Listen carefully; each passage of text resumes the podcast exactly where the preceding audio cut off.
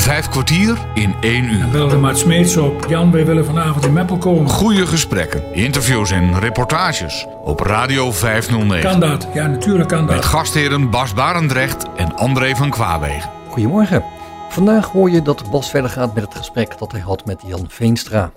En zoals je vorige week hoorde, is de heer Veenstra onder meer bekend van zijn werk voor de Blindenbond, dat tegenwoordig dan weer bekend staat als de Oogvereniging. Tot nu toe hadden ze het over Jans jeugd en zijn werkzame leven. En naast zijn betaalde baan deed hij ook veel vrijwilligerswerk, waarbij de taakomschrijving voorzitter verdacht veel op zijn cv voorkomt. Vandaag gaat het grotendeels over dat leven. Wat velen echter niet weten is dat hij in 1987 meegedaan heeft aan de Paralympische Spelen in Toronto. En hij vertelt nu hoe dat zo is gekomen. Als jongen, toen ik nog kon zien, was ik altijd lid van, van de waterpolovereniging in Meppel. Nou ja, toen ik blind werd, toen ging dat natuurlijk niet meer. Maar op een bepaald moment op de Schansenberg gingen we altijd al één keer in de week zwemmen. Ja, en toen in de 70 jaren, toen, hoe het gekomen is, weet ik niet. Maar we gingen op een bepaald moment met een aantal mensen van de, van de afdeling, van de, blind, van de Blindenbond, gingen we zwemmen in Zwolle. En toen zei die, toen zei die badmeester tegen me, joh, je kunt hartstikke goed zwemmen, je kunt dan meedoen aan, aan wedstrijden. En omdat ik natuurlijk veel waterpolo had, kon ik be- best wel redelijk snel zwemmen. Ja, zo, ben- zo ben ik ook weer in dat zwemmen terechtgekomen. En uiteindelijk ook in Toronto. Ja, Met Marianne Ja. Kortekaas. met Marianne Kortekaas, ja. Wij waren de eerste blinden die namens Nederland aan Olympische Spelen meededen, aan Paralympics meededen. Want daarvoor eh, waren er geen eh, blindennummers, zeg maar, op de Spelen. Nee, Die zijn in 1976 geïntroduceerd en wij waren dan de eerste in Nederland die daaraan mee hebben gedaan. De eerste twee. Lida is meegegaan. Ja, die is ehm, met mijn vader en moeder. Zijn die weliswaar in hetzelfde vliegtuig, alleen zij zaten achterin en wij zaten voorin. En zij zijn daar, hebben daar gelogeerd bij Nederlanders die ooit naar Canada zijn geëmigreerd. Oh, wat leuk joh. Ja. Want eh, eh, iemand zei tegen ons, dan moet je een oproep plaatsen in een of ander krantje daar, dat hadden we gedaan.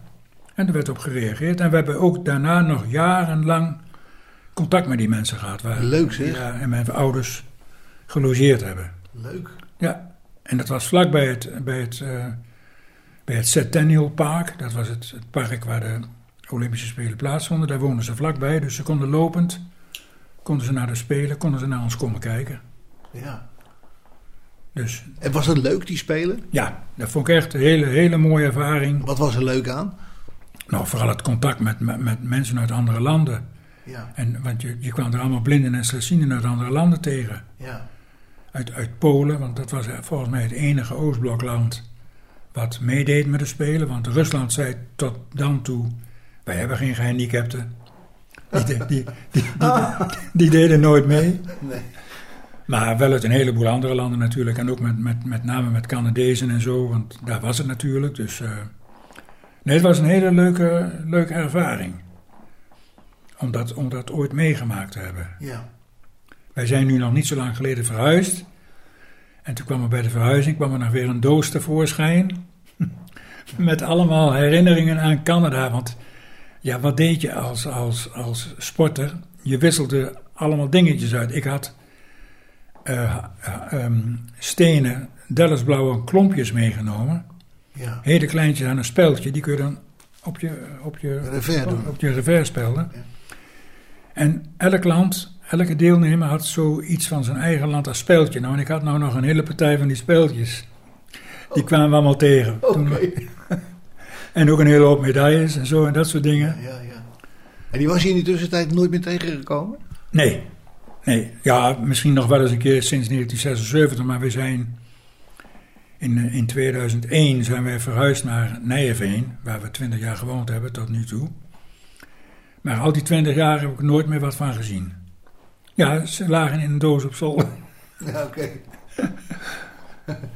Dus, en er is ook wel veel van opgeruimd nu hoor, want om alles te bewaren, nee, dat, dat doe je ook niet meer. Maar kinderen hebben toch wel wat, denk ik? Jazeker. Mijn dochter die heeft alle medailles van het Nederlandse kampioenschappen, die heeft ze mee, meegenomen. Ja, ja, ja, ja, ja, ja, ja. En er waren natuurlijk nog veel krantenartikelen en zo, die heb ik hier nog wel liggen hoor. ja. Want eh, de, de, werd natuurlijk, je had nog geen social media en zo, maar er stond wel heel veel dingen in de kranten. Nou, ja. En het, dat vond ik ook leuk, omdat Marianne en ik eh, daar in Canada waren, was er ook iemand van Sportsnippers. Ja. Dat was een gesproken blad van de Nederlandse Blindenbibliotheek uit Den Haag. Ja. Ah, die was ook mee als, als, commentator, als commentator, zeg maar. Oké. Dus dat was gewoon hartstikke, hartstikke leuk. werd, Ja. werd veel aandacht aan besteed. Ja. Wie was dat?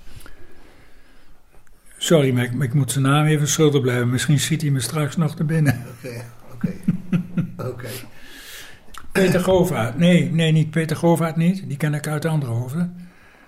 Nee, ik weet het niet meer. Nou, hij zal wel goed hebben kunnen zien, denk ik. eh. Hij was slechtziende. Oh, hij was slecht zien. Ja, hij was slechtziende. Oké. Ja. 509 Radio 509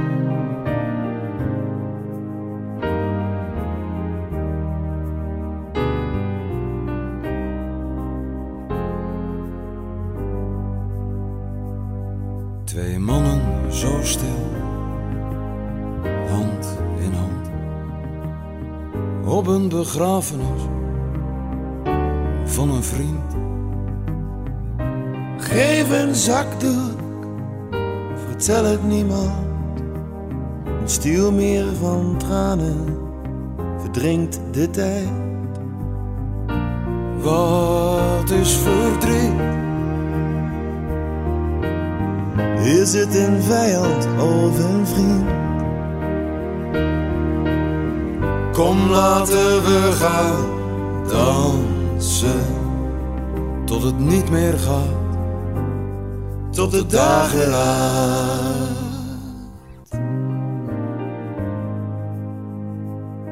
Twee mannen zo stil, hand in hand, nemen afscheid van een vriend. Ze bestormen de hemel, ze verdwijnen in de nacht. Ze vluchten en ze drinken, ze lachen om de onmacht. Wat is verdriet? Is het een vijand of een vriend? Kom laten we gaan dansen tot het niet meer gaat, tot de dageraad.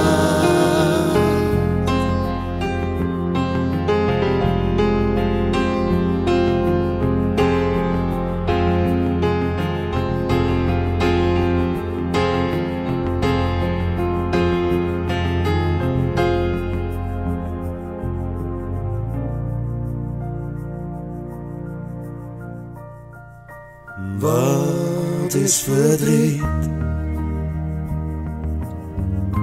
Het een vijand of een vriend? Kom laten we gaan dansen tot het niet meer gaat. Wat is verdriet? Is het een vijand of een vriend? Kom laten we gaan dansen.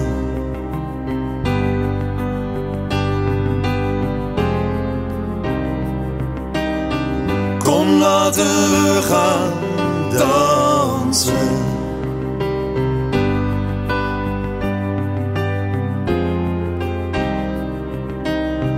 Kom laten we gaan dansen tot het niet meer gaat, tot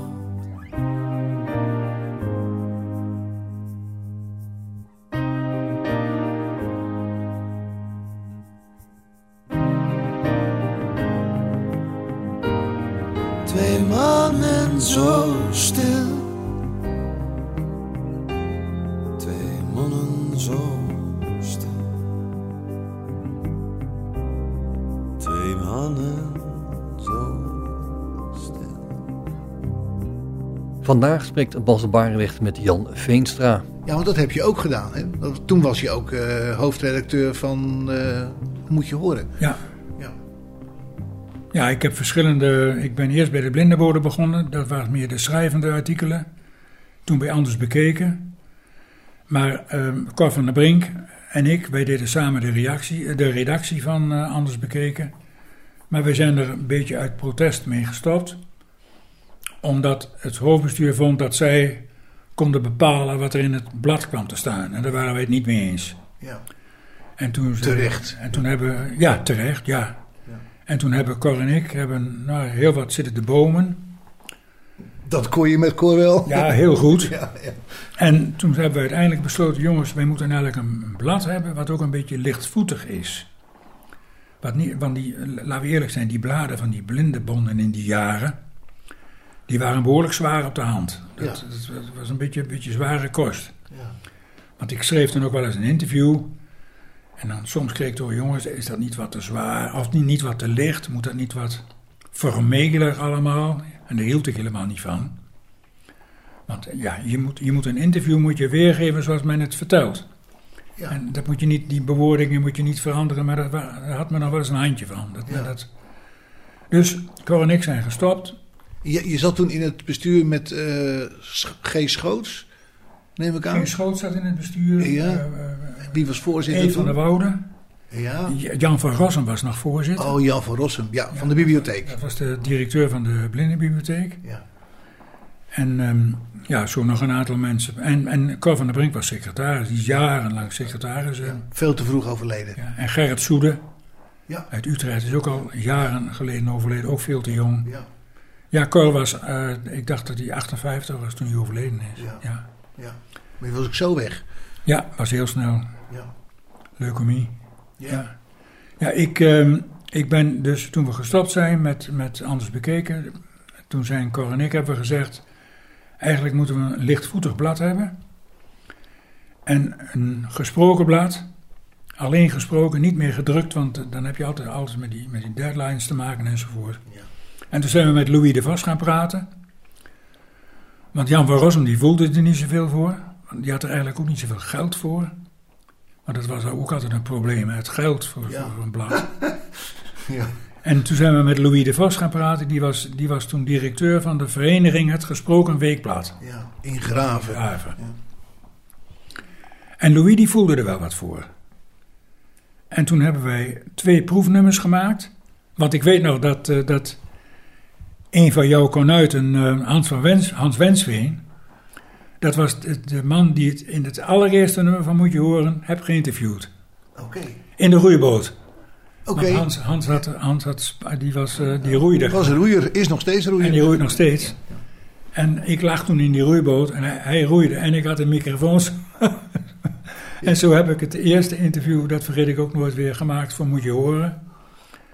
Want wij hadden live, noemden we dat dan. Het was niet echt live natuurlijk, maar het waren geen interviews die, die eh, geschreven werden en dan voorgelezen. Nee, er moesten gewone interviews gemaakt worden. En die werden gewoon, die monteerde ik zelf. Ik had thuis een studiootje gemaakt. Met, met een paar bandrecorders en... eh, de- Ik ken het. Ja. nou ja, je weet precies hoe dat allemaal Ja. werkt. ja. En, ehm, en daar was je uren mee bezig om dat goed te krijgen soms. Tot diep in de nacht. Ja. En er moest wat muziek tussen. En dat moest je dan weer uitzoeken. En, nou ja, noem maar. Het was ook nooit goed, overigens. Nee, het was nooit, als je dan later hoorde, denk je, nou, ik had dat misschien toch maar weer Ja. iets anders moeten doen. Precies. Maar het was wel, het was wel heel leuk werk. Ja. Om het zo s'avonds, het was echt ontspannend voor mij. Ja, ja, ja. Nou, en zo is Moet Je Horen ontstaan. Wij waren ook tegelijk waren wij het grootste blad van Nederland, want hoe hebben we dat gedaan? Wij hebben aan de Nederlandse Blindenbond gevraagd of zij de adresgegevens van de leden, of we die konden krijgen. Nou, toen was er nog geen wet op de privacy. Nee, gelukkig niet. Dus eh, Graven die kon zo, al die 5000 leden waren er toen, die konden ze allemaal een moet je horen toesturen. Die, ze hebben, iedereen kreeg twee nummers gratis. En toen kon men zich aanmelden voor, ik geloof in het begin 5 euro per jaar of zo, of 5 gulden, of 10 gulden, ik weet niet meer precies. In ieder geval een heel laag bedrag. En er zijn toen, ik dacht 3800 betalende abonnees kregen wij toen. Nou, wij waren daarmee verreweg het grootste blad van Nederland. Ja. Nou ja, dat heb ik tot 19... eh, daar, we zijn dus in 1983 begonnen met eh, Moet je horen. En ik heb het tot 1997 gedaan.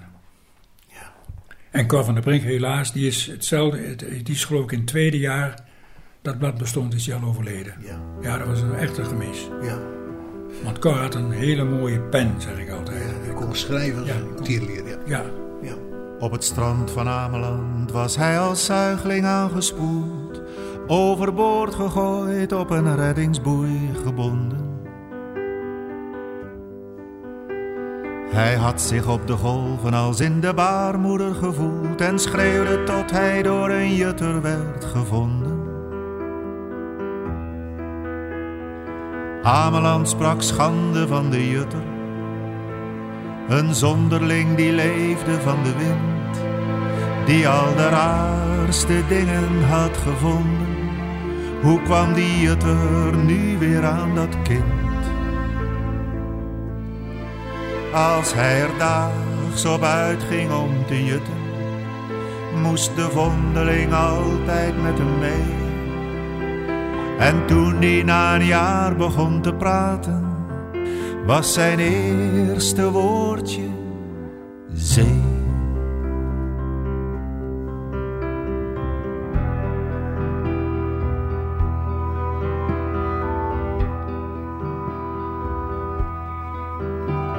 Op het strand van Ameland speelde de kleuter jarenlang. De jutter was zijn meester die hem wijze lessen leerde. Hij stond wijdbeens in het zand, was voor de woeste zee niet bang en schreeuwde net zo lang tot de vloed zich keerde. Ameland sprak schande van de kleuter, de vondeling die schreeuwde als de wind. Hoe was het in vredesnaam toch mogelijk dat de zee zich terugtrok voor een kind? Wat hij riep, zou niemand kunnen zeggen. Dat was uit de verte moeilijk te verstaan. En toen ze het jutter vroegen, zei hij... Volgens mij roept hij, ik kom eraan. Ik kom eraan, ik kom eraan. Zee,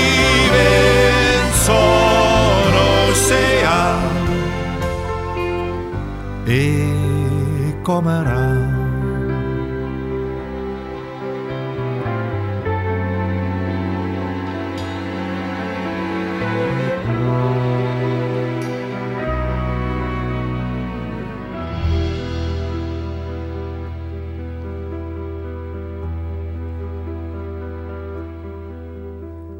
het strand van Ameland stond hij als knaap in de avondzon. Hij zei geen woord, begon zich langzaam uit te kleden. De vloed kwam hem tegemoet, hij zag alleen de horizon. Nog eenmaal draaide hij zich om, liep toen de zee in. Ameland sprak schande van de jongen, die naakte zonderlinge vondeling. Men had zich boven op het duin verzameld, omdat men voelde dat er iets gebeuren ging. En toen begon hij plotseling te schreeuwen, zo hard dat het tot aan de duinen klonk. Nog even zag men hem op het water lopen, voor hij in de diepte zakte en verdronk. Ik kom eraan, ik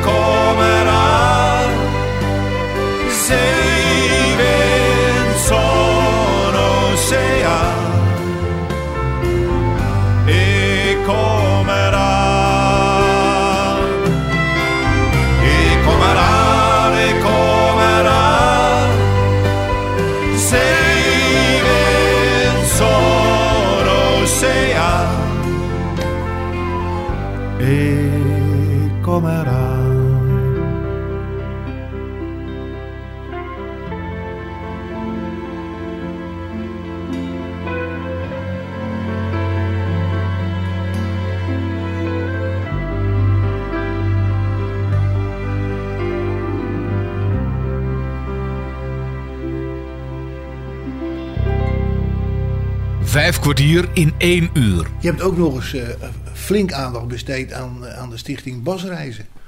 Ja. Dat was ook nog een verrassing. Ja, ik heb, uh, ik heb um, in de eerste plaats heb ik een, een, een, een keer een vakantie geleid voor de stichting Basreizen. Dat was in Spier. Ik weet niet of je dat nog herinnert als, ja, als, als ja, ja, grote baas van de stichting. Ja. een tandemvakantie, dat, was, uh, ja, dat was, was best wel een succes. Maar ik kan me ook goed herinneren dat je opname kwam maken in Hierde uh, over de oprichting daarvan. Oh ja, ja, dat, ja natuurlijk. Ja, ja. ja, dat hebben we van moeten horen en hebben we er heel uitgebreid uh, aandacht aan besteed. Ja. Dat was geweldig. Tot grote woede van het bureau. Ja. ja. ja, maar kijk, er waren wel, er waren wel meer initiatieven in, in het verleden die, uh, die tot woede van deze of gene hebben geleid. Maar dat is ook logisch, hè, want de, ja, er traden steeds veranderingen op. Mensen hadden allerlei initiatieven. Mensen deden leuke dingen. En ja, dat viel bij het, bij, vaak bij het regentencollege, zeg ik altijd, viel het vaak niet in goede aarde. Nee. Want ik, ik, dat, dat is het enige wat ik eigenlijk op de blindebonen tegen had. Ze waren een beetje was van nieuwe initiatieven. Ja. Ja. Dat is nu helemaal niet meer, want nu is het helemaal niet meer. Je kunt wel lid van de oogvereniging zijn, maar je hebt niks te zeggen. Nou, ik ben nog wel lid, maar ik denk, ik denk dat het gewoon is omdat ik altijd lid geweest ben. Maar ik, ik, ik heb er geen gevoel meer bij, eerlijk gezegd. Nee. Nee. En ik, weet, ik weet ook helemaal niet. Uh, ik, ja, ik lees wel eens een paar namen en dan is er weer een nieuwe directeur. En ik heb nu gelezen dat ze willen gaan samenwerken met het Oogfonds. Ik denk dat het alleen maar is omdat het Oogfonds misschien wat meer geld heeft. Tenminste, dat denk ik. Ja, dat denk ik ook, ja. Maar of dat allemaal even goed is. Vroeger was een blindenbond. kon je echt zien als een soort vakbond, hè? Ja. Maar.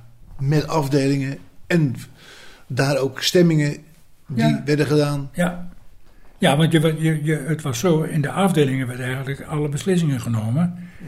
En die beslissingen, daar, daar gingen de bestuurders die gingen daarmee naar de algemene ledenvergadering, zeg maar, die, die één keer per jaar plaatsvond in Utrecht. En daar werden dan uiteindelijk de besluiten genomen. Ja. Daar werd ook het hoofdbestuur gekozen. Ja. Maar eh, ik moet je eerlijk zeggen, hoe dat nu allemaal gaat, weet ik niet meer precies. En ik moet je ook zeggen, op een bepaald moment was ik het werken, niet eh, het journalistieke werk van Moet je horen enzovoort, maar het werk in de Blindenbond, het afdelingswerk, noem maar op. Ik was het op een bepaald moment zat. Ik heb wel eens gezegd, joh, altijd in die blinde kliek. Ja. Ja, het mag, je mag er misschien niet zo hard op zeggen, daarom praat ik nu een beetje zachter. Maar dat kwam ook omdat ik, toen ik in 1978 in, een, in Meppel in een nieuwbouwwijk kwam te wonen, toen hadden we daar een wijkvereniging en ja, die hadden allerlei bemerkingen over de, de bouw en over de inrichting van het terrein en noem maar op. En die wijkvereniging, ik ging wel naar die vergaderingen. Op een bepaald moment toen vroegen ze of ik in het bestuur wilde. Nou, wilde ik wel. En ik ben uiteindelijk ben ik uh, voorzitter geworden van die club. En ja, dat was voor mij toch een beetje een verademing, moet ik je zeggen. Ja. Niet meer dat muggensifterige gedoe. Ja. ja, ander gezeik. Nou, uh, misschien mag ik het zo niet noemen, maar ja, daar komt het wel een beetje op neer. Ja. En, en daar, daar, daar werd gewoon pragmatisch gehandeld. Vijf kwartier in één uur. Bas Barendrecht spreekt met Jan Veenstra. Zojuist hadden ze het over zijn voorzitterschap bij de Blindenbond en een wijkvereniging in Meppel, waarbij het verschil van de manier van besluitvorming ver uit elkaar lagen. En van de ene voorzitterschap valt hij pardoes in het andere. Op Radio 509. Omdat ik daar voorzitter van was, kwam er, kwam er op een bepaald moment iemand naar me toe die zei: Joh, jij bent vroeger heb je nogal veel gesport en zo. Zou je niks vinden om voorzitter te worden van, van, de, van de stichting basketbal? Ja, hoe, hoe, kom ik bij basketbal, hè? Ja. Nou, mijn zoon die zat op basketbal, dus ik, ik had er wel ietsje mee. Maar zei, joh, we hebben in Meppel een stichting topbasketbal. Die zaten in de promotiedivisie, heette dat. En die konden elk moment uh, promoveren naar de eredivisie. Ja, en dan heb je een hoop geld nodig. Dan moeten er Amerikanen komen en noem maar op. Ja, ja. En ze vroegen of ik, of ik, eh, ik had toen ook al een goede functie bij, eh, bij de NCZ, bij het kaasbedrijf.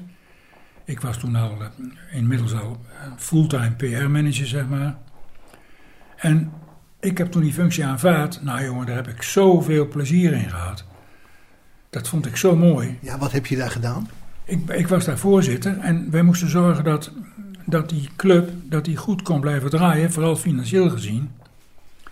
Want inderdaad, toen ik een jaar voorzitter was, toen werd er gepromoveerd naar de eredivisie. Ja, en dan moet je landelijk tegen alle bekende clubs spelen, zoals eh, Den Helder, Leiden, Den Bosch, niet te vergeten, Nashua Den Bosch. Was er toen nog? Ja. En wij, hebben- wij hebben een hoofdsponsor gevonden, een computerij in Staphorst. Computerij is bij de blinden zelfs nog wel eens bekend, want ze hebben op dat gebied ook nog eens iets gedaan, ik weet niet meer precies wat. Maar ze hebben een bepaald programmaatje ontwikkeld waar blinden ook mee konden werken op de computer. En die is eh, vijf jaar lang hoofdsponsor geweest van, van, ehm, van de basketbal in Meppel.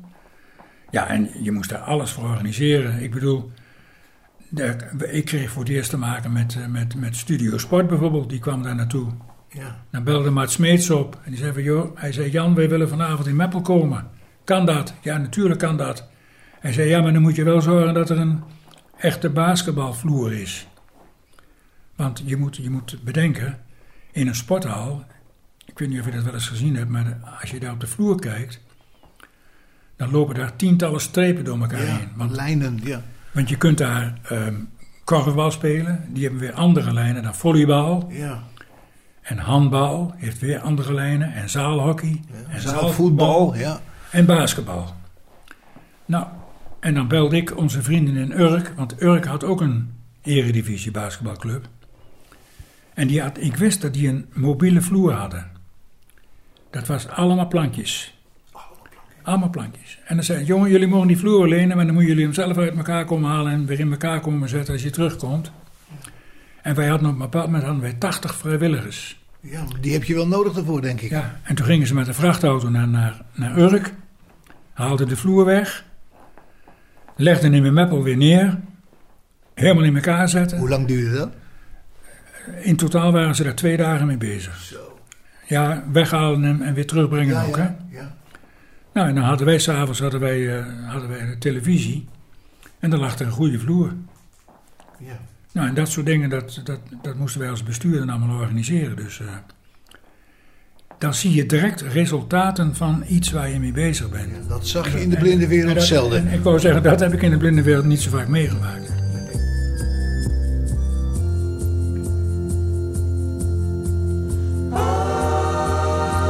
Het enige wat ik meegemaakt heb, daar ben ik altijd nog een beetje trots op. Ik heb samen met, met ehm Cor van der Brink, waren wij verantwoordelijk voor de, wij noemden dat, wij waren de verkeerscommissie. En wij hebben ons enorm hard gemaakt voor die zoomers bij die stoplichten. Ja, Nou, en wij, waren, wij, wij zijn er als Blindenbond toch in geslaagd om dat voor elkaar te krijgen. En toen zijn we nog een keer naar Leiden geweest, waar, het eerste, waar de eerste zoomer bij een stoplicht in werking werd gesteld. Dat was eigenlijk een concreet resultaat van het werk van de Blindenbond, wat je dan zo op straat kon zien, zeg maar. ja, ja. Dat, dat, dat vergeet ik ook nooit weer, dat moment dat we daar waren. Dat was ook. eh, ja, daar, ik, ik hou van concrete resultaten, niet van het geëmmer. Geneuzel. I love the colorful clothes she wears and the way the sunlight plays upon her hair. I hear the sound of a gentle word on the wind that lifts her perfume through the air. I'm picking up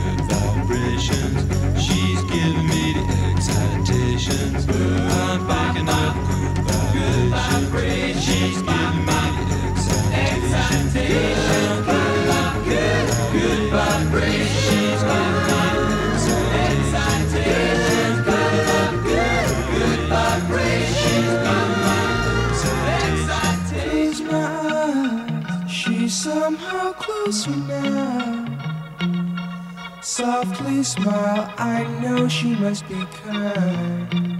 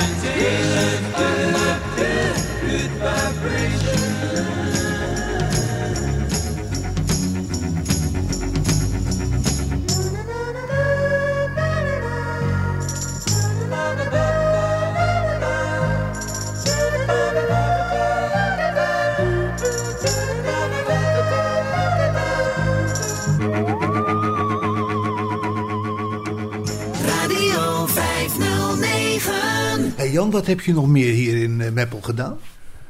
Ja, ik heb verschillende dingen gedaan. Ik heb met, ehm, in 2008 werd ik, werd ik benaderd door een vriend van me. Of ik samen met hem een stichting wilde beginnen om geld bijeen te brengen voor een hospice. In Meppel heeft geen hospice, had geen hospice. Nu wel. Nu wel. We hebben ons daar hard voor gemaakt. We hebben een stichtingsbestuur opgericht. En wij hebben heel veel acties gedaan in Meppel. Huis-aan-huis acties, gewone acties, publieksacties. Noem alles maar op. En er was ook altijd, elk jaar werd er een, ehm, een, ehm, een wielertour georganiseerd naar de Mont Ventoux Ja. in Frankrijk. Ja. En dat geld wat dat opbrengt, dat kun je een beetje vergelijken met die, met die Alle du, Alle du Zes. Weet je wel, dat is ook zoiets. Ja, ja. En dit bracht ook eh, heel veel geld op, maar dat was in principe bestemd voor de kankerbestrijding. Maar toen hebben wij gezegd van jongens, in een hospice komen ook veel mensen die, nou ja, die laatste eh, levensmaanden doorbrengen die aan kanker lijden. Dus zouden wij voor het hospice ook daar wat geld van kunnen krijgen. Dat hebben we dus ook voor elkaar gekregen. Nou, en uiteindelijk hebben wij eh 600.000 euro bij elkaar geschraapt voor het hospice. En in 2013, dus dat was dus vijf jaar na de oprichting van de stichting, kon het hospice worden geopend. Geweldig. En gebouwd of van een gebouw Nee, gebruik het was, een- gemaakt? Het was, een, het was een, een boerderij en die is helemaal verbouwd tot hospice. Dat is, en dat is bekostigd door de stichting Het Drentse Landschap. Alleen de hele inrichting, zeg maar, de bedden, de, de, de, de stoelen, de tafels, nou ja, noem alles maar op. Ja. En de exploitatiekosten, die hebben wij dus bij elkaar gebracht. Ja. En nu wordt het pand wordt voor een heel klein symbolisch bedrag gehuurd van de Stichting Het Drentse Landschap. En er zijn vier kamers en er is nog een uitbreiding mogelijk tot zes. Oké. En het ligt in, een, het, ligt in het Reesdal, prachtig gebied. Dus nou, dat, vind, vind, ja, dat zijn leuke dingen om dat, eh, Ja. om dat te doen. Ja. Jan, en, en eh, hoe haal je dan nu daar nog geld voor op? Wij zijn zelf, eh, toen we hebben van tevoren gezegd, wij willen eh, proberen eh, te zorgen dat, die, dat, die, dat dat ding er is. En als die één keer klaar is, dan moet iemand anders het roer maar overnemen. Dus toen, toen het in 2013 was geopend, toen zijn we nog een half jaar aangebleven. En toen hebben wij het overgedragen aan een nieuw bestuur. Ja, die moeten nu zelf voor de financiën zorgen. Ja. Maar er zijn niet zoveel acties meer, want het is natuurlijk zo. Als een hospice één keer goed draait. en je hebt bewezen dat het een, jaar lang probleemloos draait. dan wordt eh, het enige personeelslid dat, dat een hospice telt. Hè, ze hebben maar één personeelslid in dienst, dat is de coördinator. En die wordt dan betaald door, de, door, door een overkoepelende provinciale instelling. Oké. En eh, de mensen moeten zelf een bepaald bedrag ehm, per dag, geloof ik, of per week per dag betalen. Ja. En dat was, daar hadden wij in de tijd een hoop geld voor opgehaald, maar tegenwoordig wordt het door bijna elke zorgverzekeraar vergoed. Ja. Dus de exploitatiekosten die zijn niet zo schrikbarend meer zoals in het begin. Dus we, en, en, en er vinden nog wel eens, ik lees nog wel eens in de krant dat er nog wel eens eh, wandelactiviteiten zijn. En andere publieksactiviteiten waarvan de opbrengst dan voor het hospice bestemd is. Ja. Ja. Maar wij hebben het op een bepaald moment we hebben gezegd, nou ja, wij zijn van 2008 tot 2013, 2014 zijn we heel druk daarmee geweest. Ja, dan moet iemand anders het stokje maar een keer overnemen. Ja. Want ja, je kunt niet alles doorlopend maar blijven doen. Laten we eerlijk zijn. Ehm, die fout hebben we vroeger ook gemaakt. Wij zaten veel te lang in allerlei besturen. Ja. Klopt. Hè, want je, je kon oeverloos kon je herkozen worden. Ja. Nou kan het gelukkig bij de meeste dingen niet meer. Nee. En dat, dat, dat is wel beter. Daar komt een nieuw bloed in. Jennifer, Juniper lives upon the hill. Jennifer, Juniper sitting very still. Is she sleeping? Very low. What you doing, Jennifer, my love?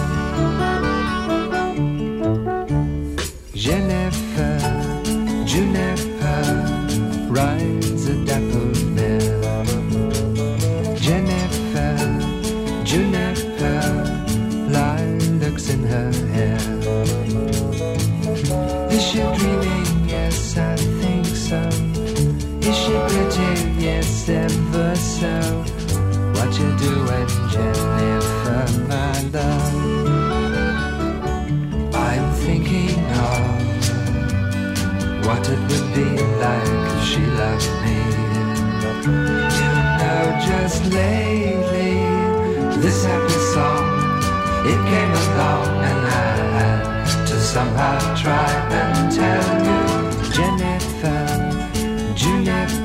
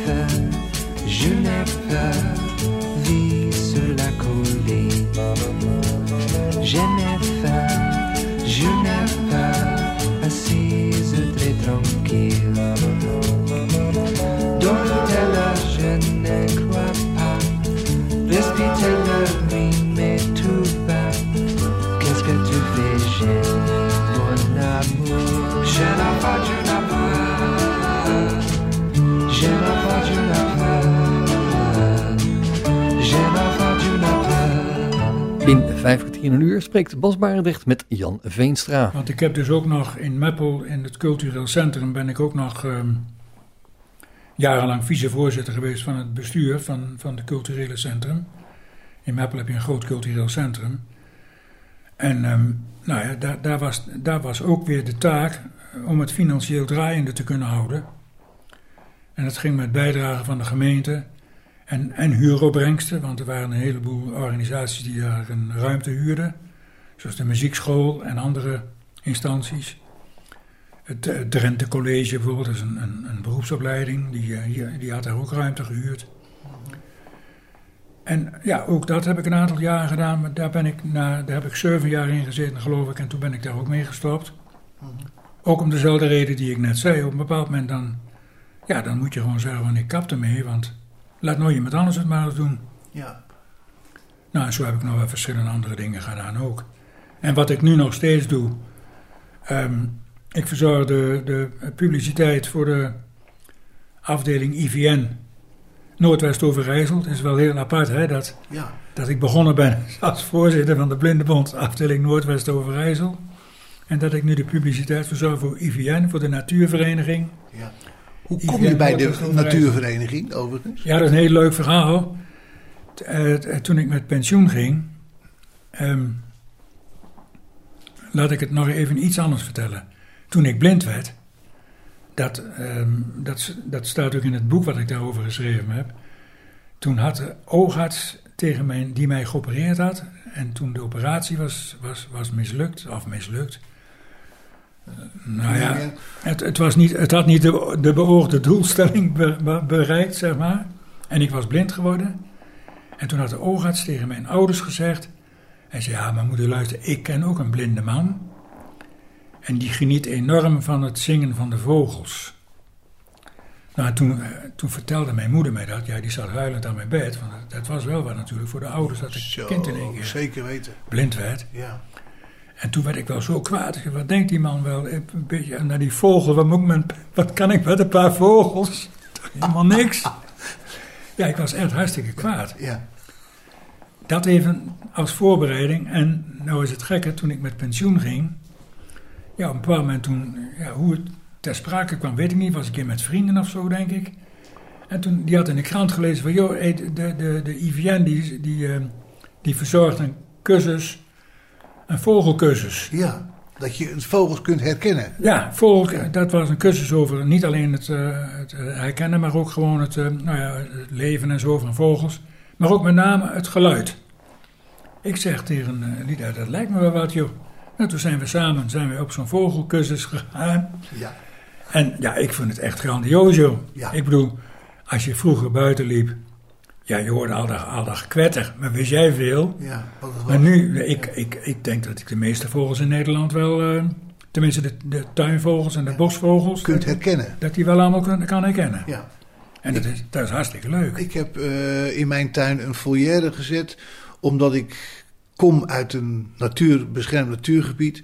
Ik had mijn raam altijd openstaan, dus s morgens om een uur of vier, half vijf werd ik wakker van de vogels die ruim zaten te zingen. Alle soorten. En S'avonds de uil en eh, geweldig. Wildzang ook natuurlijk. Ja. En ik had daar in die nieuwbouwwijk in Apeldoorn helemaal niets. Toen dacht ik, ja, maar dan, dan moet ik het gewoon halen. En ik heb nu acht kanaries. En die zingen hard, jongen. Zodra het een beetje licht wordt, gaan ze zingen.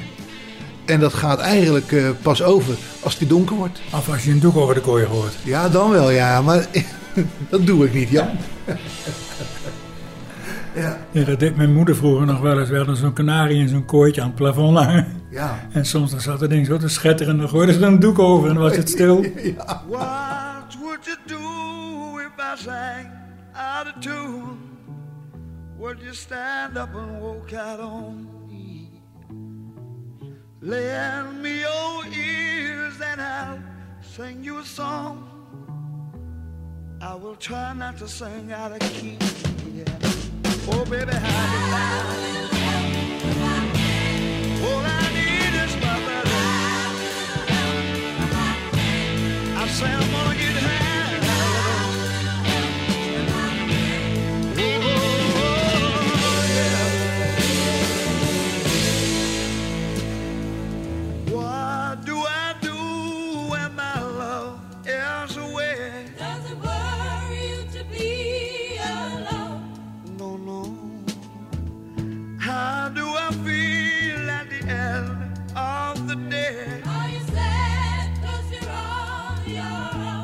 tell you, don't you say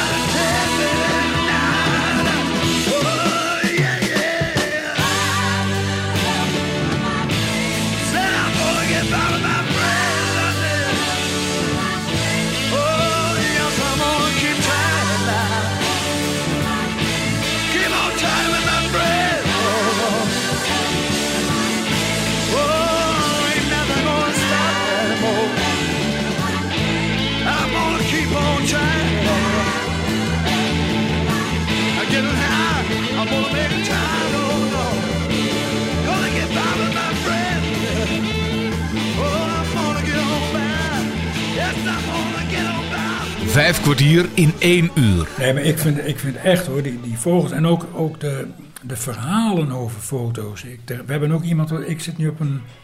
Na die cursus ben ik dus lid geworden van IVN. En ik ben nu ook lid van de vogelgroep van IVN. Dat is één keer in de maand hebben we dan een avond, een soort theorieavond zeg maar. Iedereen moet dan een spreekbeurt houden. Dat is allemaal eh, eh, per toerbeurt. Over een bepaalde vogel. Ze hebben een hoge hoed en er zitten allemaal briefjes in met vogelnamen. Ja. En dan trek je een naam en dan mag je daar de volgende keer een spreekbeurt over houden, zeg maar. Ja. Nou joh, dat is hartstikke leuk, want dan ga je toch echt verdiepen in hoe vogels leven en over trekvogels en wat ze allemaal wel niet kunnen. Ik bedoel, we- weet jij dat bijvoorbeeld een, een gierzwaluw, die staat nooit op de grond. Die vliegt zijn hele leven. Ja. Die, die vliegt. Ja. Altijd. Ja. Alleen als die broedt, dan zit hij even op die eitjes. Maar daarna, hij heeft ook geen pootjes. Hij heeft een beetje stompjes, heeft hij. En hij laat zich altijd, daarom hebben ze die nesten ook altijd zo. Dan laat hij zich uit de dakgoot vallen. En dan vliegt hij weer. Hij slaapt vliegend. Hij doet alles vliegend. Nou, en, en dat soort wetenswaardigheden over vogels. Ja, dat vind ik gewoon hartstikke leuk. Ja, geweldig. Ja. Ja. Nou ja, en toen, toen hoorden ze dat ik dus vroeger bij, de, bij, de, bij, de kaas, eh, bij het kaasbedrijf, dat ik daar PR-manager was geweest en zo en dat soort En toen hadden ze iemand nodig voor de publiciteit. Nou, en ik had alle contacten met die kranten, die had ik allemaal nog in het begin van de jaren dat ik met pensioen was. En die heb ik nu nog steeds. Dus ze waren ook echt verbaasd dat ik, dat ik al die persberichten, dat er zoveel geplaatst werd over IVN Noordwest-Overijssel. Ja. Want ik, eh, ja, ik ken natuurlijk een heleboel journalisten. Ja. En eh, ja, daar had ik toen profijt van. Ja. En ik ben natuurlijk in, in ook een vrij groot gebied wel bekend, want Ik ben dus in Meppel begonnen. En wij, ik heb zes fusies meegemaakt. Moet je je voorstellen, na elke fusie moet je ook weer solliciteren naar je eigen functie. Moest je dat, Jan? Ja, ja, want die andere bedrijven die hadden ook soortgelijke functionarissen in dienst. En dan moet iedereen moet dezelfde kans hebben. Daar ben ik het ook mee eens hoor. Ja, ja, ja. Maar Maar zoals ik- jij was er toch geen één. Ik ben, ik ben toch elke keer eh, ja, er weer uitgekomen. En de laatste, sinds 1996 tot 2006, dus tien jaar lang, heb ik dus die functie uitgeoefend bij Frico, want daar zijn we toen uiteindelijk mee gefuseerd. Nou, dat is natuurlijk een heel bekend eh, kaasbedrijf. Ja. En dat, was de, dat was, zat in Wolvenga, dus toen ging ik elke dag met de taxi op en neer naar Wolvenga. En daar ken ik dus ook een heleboel mensen van de pers. Dus ik, ik, ik bedoel, ik ben in een vrij groot gebied, ja, ben ik bekend met, eh, met, met, eh, met de media, zeg maar. Maar als je nu nog zou werken, Jan, dan zou je thuis vandaan werken. Ja, nou, dat zou ik helemaal niet erg vinden, geloof ik. Nee, dat zou ook in jouw functie zou dat goed hebben gekund. Ja, want ik heb al, ik moet je zeggen, wij waren wel een voor- vooruitstrevend bedrijf. De laatste vijf jaar dat ik werkte, werkte ik al één dag in de week thuis. Oké. Want toen had ik ook de mogelijkheid om al in te loggen op het netwerk van de, van de zaak. Want dat is ook allemaal gewoon zo makkelijk geworden. Hè? En dat je alles zelf kan lezen en dat je alles zelf kan doen. En vroeger was het, dan zat je achter de typemachine en dan zat er iemand naast je, een ziende. En dan zei hey Jan, of hey Piet, hoe die dan maar heette. Wil je even kijken waar ik gebleven ben? Ja, precies. Weet, weet je? Ja, Ja, dat moest toch soms. ja, ja. Maar dat hoeft allemaal niet meer. Het is... eh,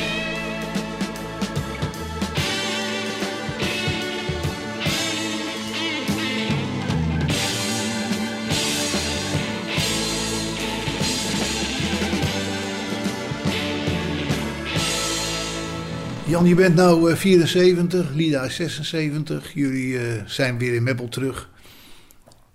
Heb je nog plannen? Ja, eh, zo oud mogelijk worden. Maar goed, mijn gezondheid heeft natuurlijk ook wel wat te lijden hier en daar. Ja. Dus, ehm, maar we hebben wel gezegd, we hopen hier wel, wel oud te worden. Daarom zijn we ook op een appartement gaan wonen. Dat het, het meeste buitenwerk, dat kwam toch op Lida neer. En ehm, nou ja, dat hebben we dus nu niet meer. Zo'n appartement is wat dat betreft toch, toch makkelijk. En we hebben hier een heel mooi appartement. We hebben zowel aan de voorkant als aan de achterkant een heel groot balkon. En je woont beneden? En we wonen beneden en daar zijn, dat grenst aan tuinen. Dus, eh, dus, het is, we zitten niet vlak aan de weg of zo. En we zitten toch eigenlijk in het centrum van Meppel. We zitten hier ongeveer een, eh, nou, 50 meter van de Schouwburg af. Ja. En ja maar paar- je bent alleen nog nooit geweest. Nee, nee, vanwege de corona, ja. En we wonen dus een paar honderd meter van het station. Is ook allemaal in de buurt. Dus ja, nee, we, we, ja, we hopen hier eh, ja, nog lang onze tijd door te brengen. Maar ja, goed, je hebt het niet zelf in de hand. Nee. Maar we hopen het wel natuurlijk. Nou, dan eindigen we met ze leven nog lang en gelukkig. Nou, dat wens ik jou ook toe. Een mooi einde van het gesprek. Je hoorde Jan Veenstra. Ik bedank je mede namens Bas Barendrecht voor het luisteren. Heb je overigens nog vragen of opmerkingen of wil je zelf wel eens aan het woord komen?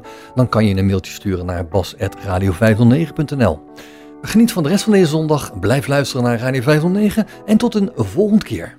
Vijf kwartier in één uur is een programma van Bas Barendrecht. Techniek André van Kwaabegen.